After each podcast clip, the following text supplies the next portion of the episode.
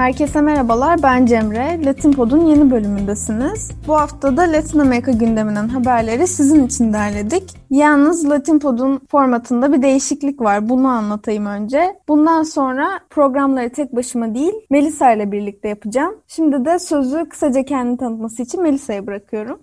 Herkese merhaba, ben Melisa. İstanbul Bilgi Üniversitesi Siyaset Bilimi 4. sınıf öğrencisiyim. Sizlere artık Cemre ile birlikte Latin Amerika gündemini anlatacağız. Umarım keyifle dinlersiniz. Teşekkürler Melisa. O halde ben ilk haberimize başlayayım ki bu da Meksika'dan olacak. Aslında bu 8 Mart haftasında bahsettiğim bir haberin devamı. Felix Salgado isimli bir siyasetçi var. Bu siyasetçinin valilik adaylığı söz konusuydu ama bu adaylık çok büyük tepki toplamıştı. Çünkü Salgado hakkında iki kadının tecavüz iddiası var. E, bu da özellikle feminist grupların karşı çıktığı bir adaylık oldu haliyle. Salgo da aynı zamanda bu devlet başkanı tarafından da desteklenen bir figür. López Obrador'un açık desteği var arkasında.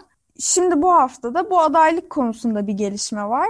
E, Meksika Seçim Ajansı Salgodo'nun isminin listelerinden çekti. Bu durumda tabii ki açık destekçisi López Obrador'un tepkisine neden oldu. López Obrador yaptığı açıklamada bu kararın antidemokratik olduğunu söyledi. Bu arada kararın sebebi de tecavüz suçlaması, işte buna dair soruşturma vesaire değil. Daha teknik usulü bir nedeni var. Karar dörde karşı yedi oyla alındı ve aslında partinin seçim öncesi harcamalara dair vermesi gereken bir rapor var. Bu raporun zamanda ve gereken usullerle sunulmamış olması sebep olarak gösterildi. İlgili kanunda seçim kurulları ve usulleri genel kanunu bir ön aday eğer belirtilen süre içinde kampanya öncesindeki gelir ve giderlerin raporunu sunma yükümlülüğüne uymazsa ise buna dair bir oylama yapılır ve eğer buna dair yapılan oylamada oyların çoğunluğu adaya karşı olarak çıkarsa aday tescil edilmez. Bu maddenin ana sebebi de aslında bu seçim süreçlerinde biraz şeffaflığı sağlamak. Dediğim gibi adaylığın çekilmesiyle iddiaların, tecavüz iddialarının bir alakası yok. Salgodo ise buna karşı elleri bağlı oturmayacağını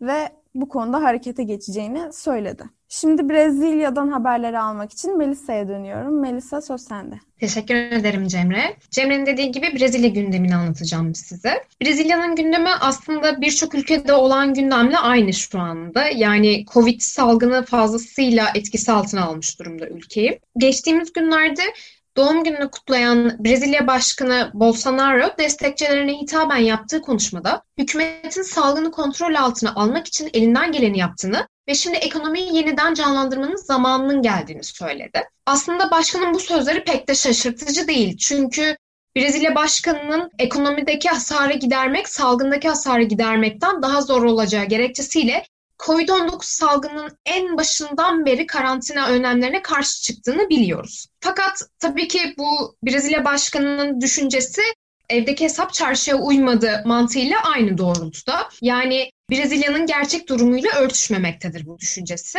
Çünkü geçen hafta ülkenin en önemli sağlık kurumlarından biri olan Fiocruz Brezilya'nın sağlık sisteminin çöküşünün eşiğinde olduğunu açıkladı. Zaten yoğun bakım ünitelerindeki kapasite eksikliği ve salgın boyunca bir günde ilk defa 3000'in üzerinde can kaybı vermesi Fiocruz'un açıklamasıyla da örtüşmektedir. Fakat Brezilya Başkanı'nın kendi fikirlerinden vazgeçmeye pek niyeti olduğu da söylenemez açıkçası. Karantina önlemlerini sıklaştırması gerekirken üzerindeki baskının acısını bakanlardan, eyalet valilerinden ve belediye başkanlarından çıkarıyor gibi gözüküyor. Geçtiğimiz günlerde eyalet valilerini ve belediye başkanlarını salgını kontrol etmek için yaptıkları tecrüt uygulamaları nedeniyle zorba olmakla suçladı. Hafta sonundan itibaren 6 kabine bakanının da görevlerine son verildi. Öte yandan görevleri değiştirilen 6 bakanın içerisinde Brezilya Başkanı Bolsonaro'ya yakınlığıyla tanınan Dışişleri Bakanı da var. Kendisi hafta sonu diğer milletvekilleri tarafından Brezilya'nın Çin, Hindistan ve ABD ile ilişkilerini kötü idare etmesinin şu anki Covid aşısı krizine neden olduğu düşüncesiyle ağır eleştirilere maruz kalmış ve görevinden istifa etmiştir. Tabii bu durum tıpkı geçen sene Rusya'da Vladimir Putin'in başbakanın görevlerini genişletmesi ve onlara birçok koruma getirmesi gibi acaba Brezilya'da da bir tık demokratikleşme mi söz konusu olmaya başladı düşüncesini uyandırdı açıkçası. Fakat Brezilya Başkanı Bolsonaro'nun görevden alınan 6 bakanın yerine kendisini destekleyen bir kadro getirmeye çalıştığını anlayınca hoşnutlandığımızı anladık. Çünkü Brezilya Başkanı'nın buradaki tek amacı parlamentoda kendisini destekleyen çoğunluğu sağlayarak pandemiyi kötü yönetmesi durumundan dolayı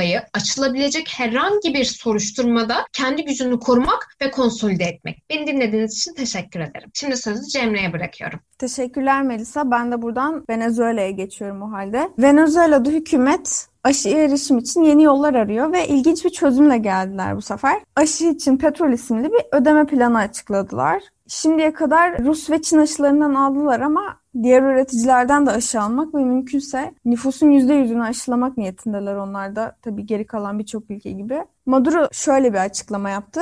Venezuela'da petrol tankerleri var ve petrol üretiminin bir kısmı ülkenin ihtiyaç duyduğu aşıları satın almak için kullanılacak. Şimdi Venezuela bu Dünya Sağlık Örgütü'nün COVAX mekanizmasının bir üyesi ki bu mekanizmada işte fakir ülkelere aşı sağlamaya çalışıyor. Aşı sağlamakla meşgul. Bu mekanizmadan petrol sevkiyatı yoluyla ödeme yaparak yararlanmak istediklerini söyledi. Son olarak da şöyle bir eklemesi var. Venezuela'nın petrol gemileri var ve bizim petrolümüzü satın alacak müşterileri var. Aşı için petrol planına hazırız ama kimseye de yalvarmayacağız. Son olarak Şili'den çok kısa bir haberim var. Devlet Başkanı Piñera bir tasarı sundu kongreye geçtiğimiz günlerde. Tasarının konusu ise bu aslında Nisan'ın 11'inde, 10'unda ve 11'inde yapılması planlanan seçimin ertelenmesi. Mayıs'ın ortasına kadar yani yaklaşık bir aylık bir erteleme önerdi Piñera. Sebepse tabii ki yine ve yine Covid. Saydan onlar da önlemleri sıkılaştırdılar tekrar bu aralar. Şimdi bu seçimlerde yeni anayasayı yazacak olan kurucu meclisin üyeleri seçilecekti ve eğer tasarısı onaylanırsa Piñera'nın kongrede seçimler Mayıs'ın 16'sında gerçekleştirilecek. Daha önce bir referandumla tekrar yazılması kararlaştırılmıştı bu Pinochet döneminden kalma anayasanın ve geçen senenin aslında en umut verici haberlerinden biriydi bence. Heyecanla da bekliyorum yazım sürecine. Böylece Latin Pod'un bu bölümünü sonlandırıyoruz. Bizi dinlediğiniz için teşekkür ederiz. Haftaya görüşmek üzere, hoşçakalın. Görüşmek üzere, hoşçakalın.